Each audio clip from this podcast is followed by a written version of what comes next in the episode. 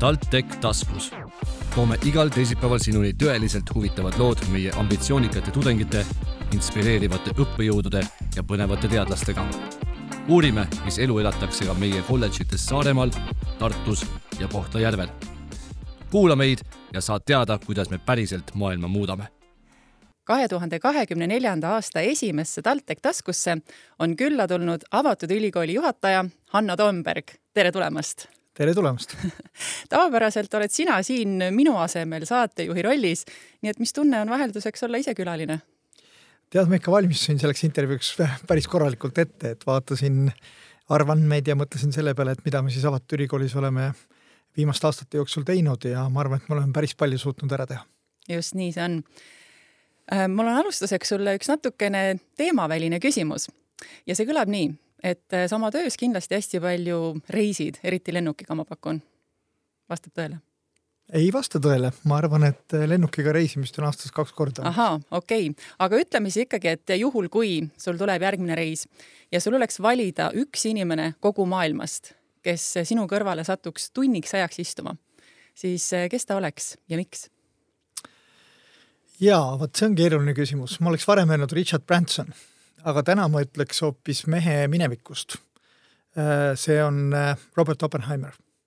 Ähm, Oppenheimeri film jättis mulle sel suvel väga sügava mulje ja ma olen nüüd lugenud läbi ka selle Pulitzeri auhinna võitnud raamatu tema eluloost. ja mind võib-olla kõige enam vaimustab tema puhul see, et lisaks sellele, et ta oli väga tugev äh, teoreetiline füüsik oli ta ka väga lugenud inimene ja intellektuaalselt hästi tugev inimene. Ja mõelda selle peale, et mees, kes on atompommi leiutamise juures olnud ja on tegelikult kaasa aidanud sellele, et atompomm üldse äh, armeede varustusse tekkis, pärast äh, kahetses hästi tõsiselt seda, et kas need otsused, poliitikute otsused eelkõige, mis selle tehnoloogilise uuenduse pealt tehti, on kõik õigemad ja ta võitles oma hilisemas elus väga pikalt selle eest, et äh, atompomm keelustataks või vähemalt võetaks rangema kontrolli alla.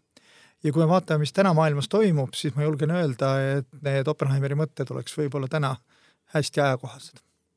väga huvitav saate algus tundub mulle ja enne kui me hakkame rääkima avatud ülikooli teemadel, äh, küsin ma sinult ka veel ühe traditsioonilise küsimuse, mida, mida oleme enda saatekülalistele esitanud.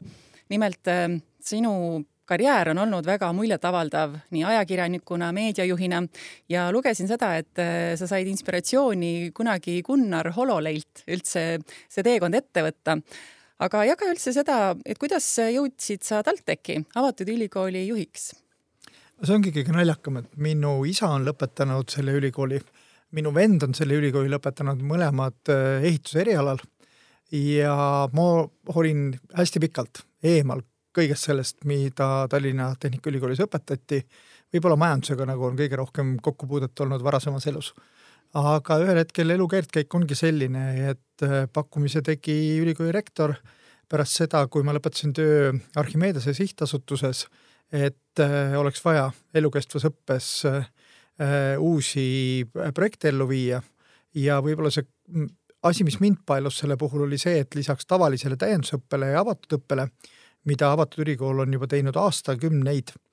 Äh, tegelikult äh, oli võimalus pakkuda ka kooliõpilastele suunatud tegevusi. ja ma arvan, et ülikoolid peaksid järjest rohkem mõtlema selle peale, kuidas kasvatada endale järelkasvu üliõpilaste mõttes, õppejõudude mõttes, hiljem akadeemikute mõttes, et äh, see töö, mida me noortega teeme, on hästi oluline. sest need valikud, mida nad teevad, et neid nad kipuvad hiljem kas kahetsema või olema üliõnnelikud selle üle, mida nad tegid. aga seda valikut kiiresti muuta ei olegi nii lihtne mm. -hmm. mida sa oma töös eh, hetkel kõige rohkem naudid ja mis on olnud kõige suuremad väljakutsed, eh, mida oled eh, ületanud? ma naudin seda, et see valdkond, milles me tegutseme, eelkõige täiendusõpe, sest ka kooliõpilased osalevad täiendusõppes, on järjest kasvav valdkond.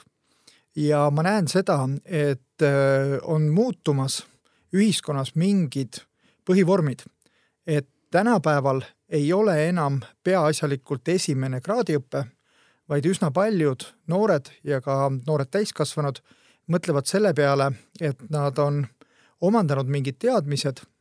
ja nad tahavad tagasi tulla ülikooli või siis tagasi õppima tulla, aga nad ei taha kohe võtta kraadiprogrammi ette, vaid nad tahavad mingite väikeste ampsudega seda tööd teha. Ja ma olen väga õnnelik selle üle, et Eesti kuus avalik-õiguslikku ülikooli on kõik kokku leppinud selles, et me teeme mikrokraade, mis on siis väiksemad õpiampsud, koosnevad erinevatest ainetest, aga me oleme neid komplekte välja töötanud turule ja kolme aasta jooksul oleme siis jõudnud sinna, et sellel sügisel äh, avati äh, mikrokraadid kõigis kuues ülikoolis kokku siis saja kuuekümnel kahel õppekaval, et tegelikult see on väga muljetavaldav, kuhu me oleme juba tänaseks jõudnud. on tõesti.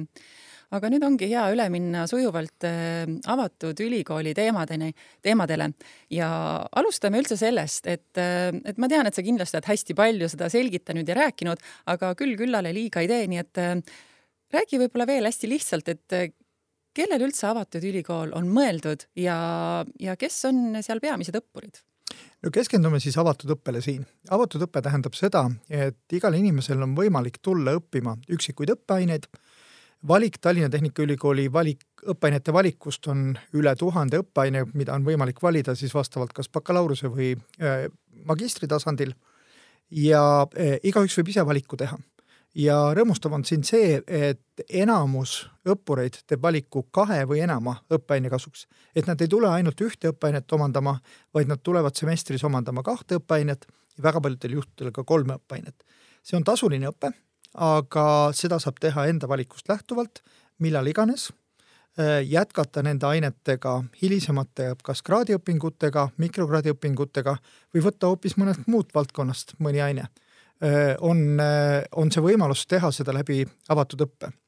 ja avatud õppe plussiks on see, et need inimesed, kes on juba ühe kõrghariduse omandanud, nagu ma ka ise juba kümneid aastaid tagasi, äh, siis neil on võimalik tagasi tulla ülikooli ja kui nad veidi pelgavad, et milline see õpe ülikoolis on, õppida koos üliõpilastega, siis see maht, et võtta semestris ühe magistriõppekava mahus aineid, võib tunduda hirmutavalt suur mm. aga võtta üksikute ainete kaupa, see on kõigile ka töö kõrvalt jõukohane mm. -hmm. ja meil on ju näiteid mitmeid, kes on just sellisel kujul äh, kraadiõppega algust teinud ja, ja hiljem, hiljem edukalt õpetanud. ja kuna ma suhtlen hästi palju ka tööandjatega, siis minu jaoks on äh, küsimused täna sellised, et me oleme hästi selgelt ära määratlenud mingid õppekavad ja mingid erialad, mida me õpetame ja mida me oleme teinud aastakümneid samas formaadis aga näiteks ühe Eesti suurema masinatööstusettevõtte või metallitööstusettevõtte äh, juhtidega rääkides, külastades Estanki, äh, sain ma aru, et meil tuleb midagi muuta, sest nende vajadus täna ei ole lihtsalt äh, mehaanikainseneri järgi või ehitusinseneri järgi või soojusenergeetika inseneri järgi, vaid protsessi inseneri järgi, kellel peavad olema teadmised nii mehaanikast kui ka soojusenergeetikast või ka tuumaenergeetikast, sest neid samu vahendeid, mida nad toodavad, toodavad nad maailma suuremate tuumajaamade jaoks. ja selleks, et olla seal vääriline partner ja suhelda kliendiga samal tasemel, on vaja teadmisi nii mehaanikast, soojusenergeetikast kui ka mingitest äh, muudest valdkondadest. et see interdistsiplinaarsus muutub täna õppes ja ka kõrgkooliõppes järjest olulisemaks mm. -hmm. aga milline on selline äh, tüüpiline täiskasvanud õppuri profiil? Jah, me oleme seda tõesti vaadanud ja see tüüpiline õppur on vanuses kakskümmend viis kuni nelikümmend viis aastat. ma ise olen sellest kõvasti väljas juba, aga me näeme, et suur osa nendest õppuritest on tulnud kas kohe ülikooli järgselt või nad on paar aastat vahet pidanud ja neile on tegelikult õppimine ja uute teadmiste omandamine nii meeldima hakanud, et nad tulevad, võtavad neid üksikuid õpiampse.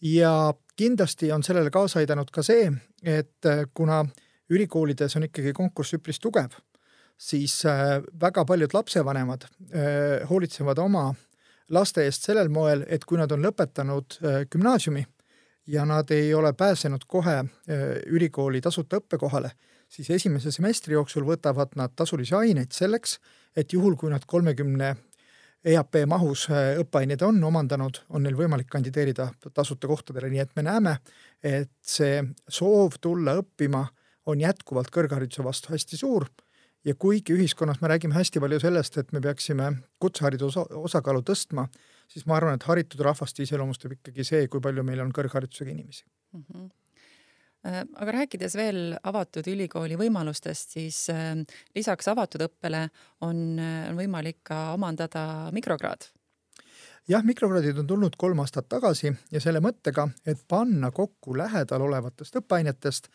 kompaktne kava, mille lõppurid õppides saavad selles valdkonnas täiuslikumad oskused. ma olen alati võrrelnud seda televisiooniprogrammi, programmi koostamisega, et kuigi hästi palju on meil järelvaatamist ja erinevate voogedastuskanalite vaatamist siis, kui mulle sobib, on jätkuvalt kõige domineerivam viis lineaarne televisioon et on kusagil televisioonikanalid, kelle juhid on koostanud sulle programmi ja sa tuled koju, sa ei pea mõtlema, mida ma täna vaadata tahaksin, istud televiisori ette ja kolm tundi järjest vaatad seda. eestlased jätkuvalt vaatavad hästi palju televiisorit. et sarnane asi on ka tegelikult selles samas avatud õppes, et selle asemel, et teha valikut tuhandest õppeainest, mis teeb inimese elu väga keeruliseks, teadmata täpselt, et millega, mis aine, millise ainega seotud on või mil moel nad omavahel kokku komplekteeritakse siis on meie enda õppejõud ja programmijuhid koostanud mikrokraadi kavad ja hea on öelda, et need on tõesti Eestis lendu läinud, et kui ma meie vestluse alguses rääkisin, et kavasid, mida ülikoolid pakuvad, on kokku ähm, sada kuuskümmend kaks, äh, mis avati sellel sügisel, siis seal kokku on ligi tuhat kolmsada õppurit. et see on see hulk õppureid, kes on teinud või vähemalt osad neist on tulnud juurde lisaks olemasoleva täiendusõppejate arvule ja ka Tallinna Tehnikaülikoolis me näeme seda, et tänu mikrokraadi kavadele on meil täiendusõppurite arv alates kahe tuhande kahekümne esimese, kahekümne teise aasta madalseisust taas kasvama hakanud. seda on rõõm kuulda ja ma arvan, et see on väga õige tähelepanek, et tihti tegelikult see võibki hoopis saada takistuseks, et kui on liiga suur valik ja, ja inimene ei oska siis seda õiget valikut teha ja siis lihtsam ongi sellel hetkel nii-öelda käega lüüa ja mõelda, et ah, praegu mul ei olegi aega ja, ja, ja leida need kõik vabandused, et tõepoolest selline, selline võimalus tuleb kindlasti kasuks. Äh, aga rääkides veel mikrokraadidest, kuna nüüd TalTechis on tänase seisuga just äh, äh, registreerimine avatud. Selle, selle aasta kavadele, siis soovid sa natuke lähemalt tutvustada? ja me teeme vastuvõttu kaks korda aastas, kevadsemestril ja sügissemestril. Ja kui sügissemestri vastuvõtt oli meil augustikuus, siis nüüd kevadsemestri vastuvõtt algaski tänasest ehk teisest jaanuarist ja kestab kuni kahekümne kuuenda jaanuarini avatud õppes ja üheksateistkümnenda jaanuarini mikrokraadi kavade osas mikrokraadi kavasid, mida me pakume kevadel, on kokku kolmkümmend ja on hea meel, et järjest lisandub uusi mikrokraadi kavasid, näiteks majanduse eh, õppekavade hulgas on kümme mikrokraadi kava, millest üks-kaks on ka uued kavad ja IT-s koguni kolm uut õppekava. Eh, ja IT õppekavad ongi seni olnud vast kõige populaarsemad, programmeerimine on jätkuvalt kõikide mikrokraadi kavade tipus aga siia juurde on tulnud uus andmebaaside õppekava, mis räägib äh, erinevatest andmemudelite põhimõtetest ja andmebaaside ülesehitusest, samuti infosüsteemide uuendamine, kaasa arvatud äh, hajus infosüsteemide juhtimisest ja veebirakendustest ja ka äriarhitektuur, mis räägib ettevõtete äri, äriarhitektuuri loomisest. me näeme, et see valik on laiem ja äh, muudatus, mida me teinud oleme ülikoolis, on siis see, et me inglisekeelsete õppekavade asemel oleme pakkumas ka mikrokraadikavu järjest rohkem eestikeelsetena ja eriti puudutab see IT-teaduskonda. aga mul on ka hea meel, et näiteks Virumaa äh, kolledžis on kümme õppekava avatud ja kui sa eelnevalt rääkisid ka sellest, milline mikrokraadikavade tulevik võib olla, siis ma arvan, et meil on järgmine hüpe vaja teha, on selline, et sellise inimesi ennast huvitava, natukene nagu enesetäiendamise haridusvajaduse juurde, peame me neid mikrokraadi kavasid järjest rohkem siduma ikkagi ka ettevõtete ja tulevaste töökohtade nõuetega. et selles osas ongi esimene võib-olla niisugune tõeliselt hea äh, tulemus meil äh, Virumaa kolledžist Kohtla-Järvel, kus me pakume keemiatehnoloogiate õppekava Eesti Energia töötajatele sellel on Eesti Energia kvaliteedimärk juba tänaseks juures. Ja küsisin ka Eesti Energia juhatuse liikmelt, et kuidas ta rahul selle kavaga on, ta ütles, et ta saadab kindlasti ka järgmise grupi õppureid sinna. Ja seal on reaalne vajadus. õiglase üleminekuga seoses on vaja põlevkivitööstuselt äh, üle minna teistele vähem keskkonda saastavatele tehnoloogiatele, keemiatehnoloogiad ja keemiatehnoloogiate valdkond, üks selline kindlasti on nii et äh, see on see, kus me saame tegelikult pakkuda Eesti tööjõuturule tõepoolest neid mikrokraade, nendele erialadele ja ametikohtadele, kus uusi teadmisi on vaja. ja kui ma tõin ka võrdluse, et minu enda õpingutest on tänaseks möödas pea kolmkümmend aastat, et siis vahepealse ajaga on nii palju maailmas muutunud, et meil on vaja kõigil täiskasvanueas lisaks oma äh, põhiõpingutele ka täiendavalt juurde õppida see oligi mu järgmine küsimus, õigemini selles suunas, et äh, ma vaatasin, et kuskil kolm aastat tagasi äh, TalTechi podcastis tõid sa välja seda, et paljud peavad ennast täiendama just selle jaoks, et konkurentsis püsida. kuidas sa täna arvad, et kas sinu vastus on tänaseks muutunud või soovid sa seda täiendada? ja ma ütlen, et konkurentsis püsimiseks on vaja kindlasti edasi areneda, sest et paigalseisuga ei jõua mitte kusagile. Ja ma arvan, et äh, oluline on ka näha neid äh, kõrvalerialasid ja ja neid valdkondi, kus on võimalik just seda nagu koostööd leida ja tulles tagasi sellesama Estanki näite juurde, siis Estankis on täna üks protsessiinsener Soomest, kel vanust üle kaheksakümne aasta ja see on siis sellest piirkonnast leitud ainuke spetsialist. ma kujutan ette, et kui Eestis oleks üks tugev protsessiinsener, kes tahaks sinna ettevõttesse täna tööle minna, siis küllap pakutakse ka talle äh, turust kindlasti kõrgemat palka. Ja mehaanika valdkonnas ja tööstusvaldkonnas on ka tulevikus kindlasti väga tasuvad töökohad, et ei ole mõtet joosta ainult tormi IT-valdkonna töökohtadele, vaid tegelikult see tavatööstuses on läbi digitaliseerimise ja automatiseerimise hästi suure efektiivsusega ja suure tootlusega töökohad täiesti olemas. ja sinu kogemuse põhjal, mis sa arvad, mis on sellised peamised äh, põhjused või, või ütleks vabandused, mida inimesed äh, võivad endale öelda, et kui nad mõtlevad ja kaaluvad täiend, täiendõpet või siis tagasi ülikooli tulla, et, et mis need vabandused võiksid olla ja kuidas sa need ümber lükkaksid? esimene vabandus on kindlasti laiskus see, et äh, saada äh, siitsamast tugitoolist püsti ja otsustada, et kuule, ma pean midagi teistmoodi tegema, ma pean oma elus midagi muutma, ma pean midagi juurde õppima. teine on kindlasti seesama, et oma aja täpsem planeerimine, sest ma usun, et kuigi me kõik oleme täna väga hõivatud oma töökohtadel, siis kusagil on ikka võimalik leida see aeg, et pühenduda millelegi. ja äh, kolmas on see, et aga ma tean ju kõike, mis seal, mis seal uut mulle pakkuda on ma arvan, et tulles Tallinna Tehnikaülikooli on võimalik kõikidel õppekavadel leida neid kohti ja neid aineid, kus mul on juurde õppida. nii et ma soovitan kindlasti vaadata seda õppekavade valikut, mõelda selle peale, mida ma tänasel hetkel kõige rohkem vajaksin ja mõelda ka selle peale, et milline on mu konkurentsieelis kahe-kolme aasta pärast.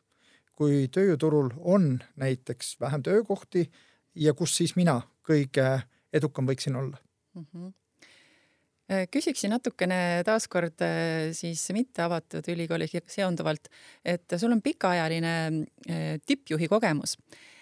mis sinu arvates teeb ühest juhist eduka juhi ning mis on sinu edu võti? nojah, siin ma olen lugenud hästi palju teooriat, aga, aga pigem kogemus näitab see, et õige meeskonna komplekteerimine on kõige olulisem see on see, mille tulemusena lähed sa õhtul rahulikult magama, sest sa tead, et tegelikult kõik rollid on jaotatud ja igaüks anda, annab endast maksimumi.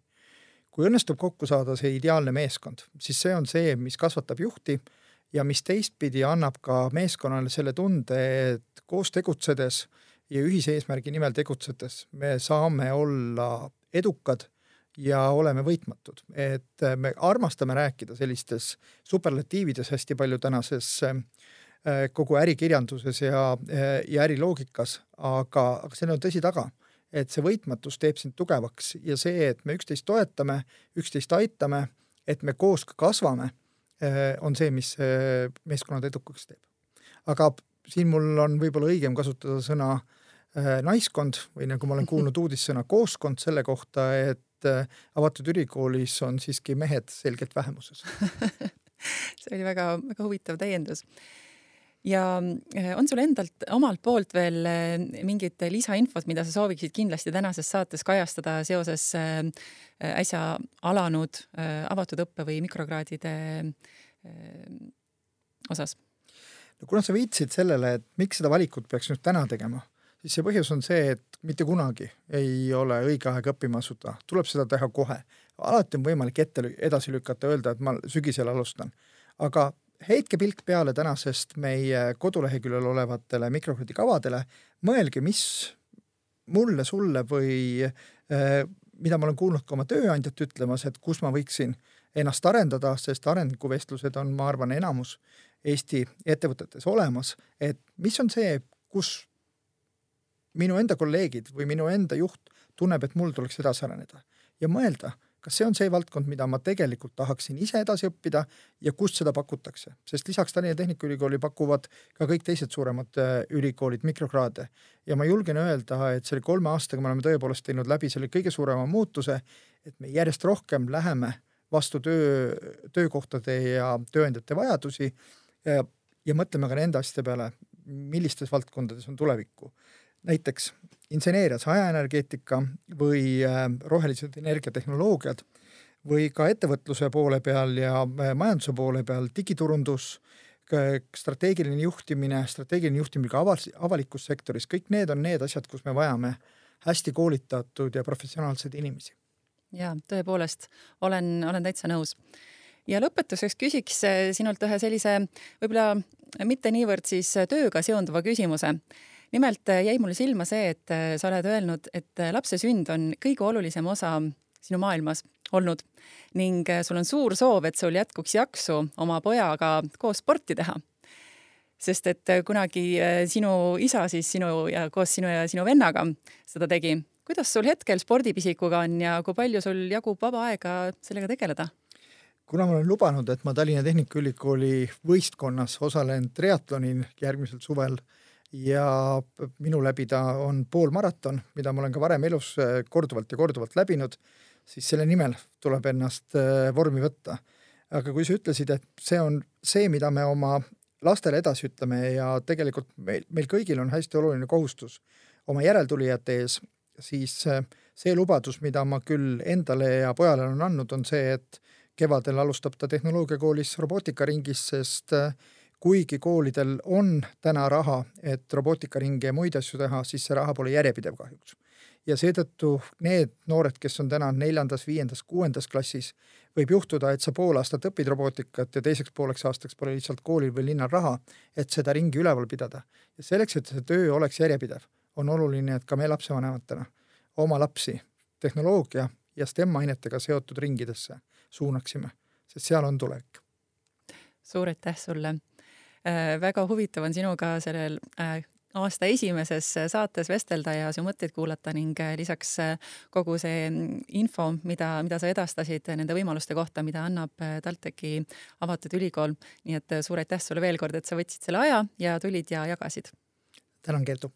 ja suur aitäh sulle, hea kuulaja ning taaskord kuulmiseni juba järgmisel nädalal TalTech taskus. TalTech taskus tõsiselt huvitav. Igal teisipäeval Spotify's ja SoundCloudis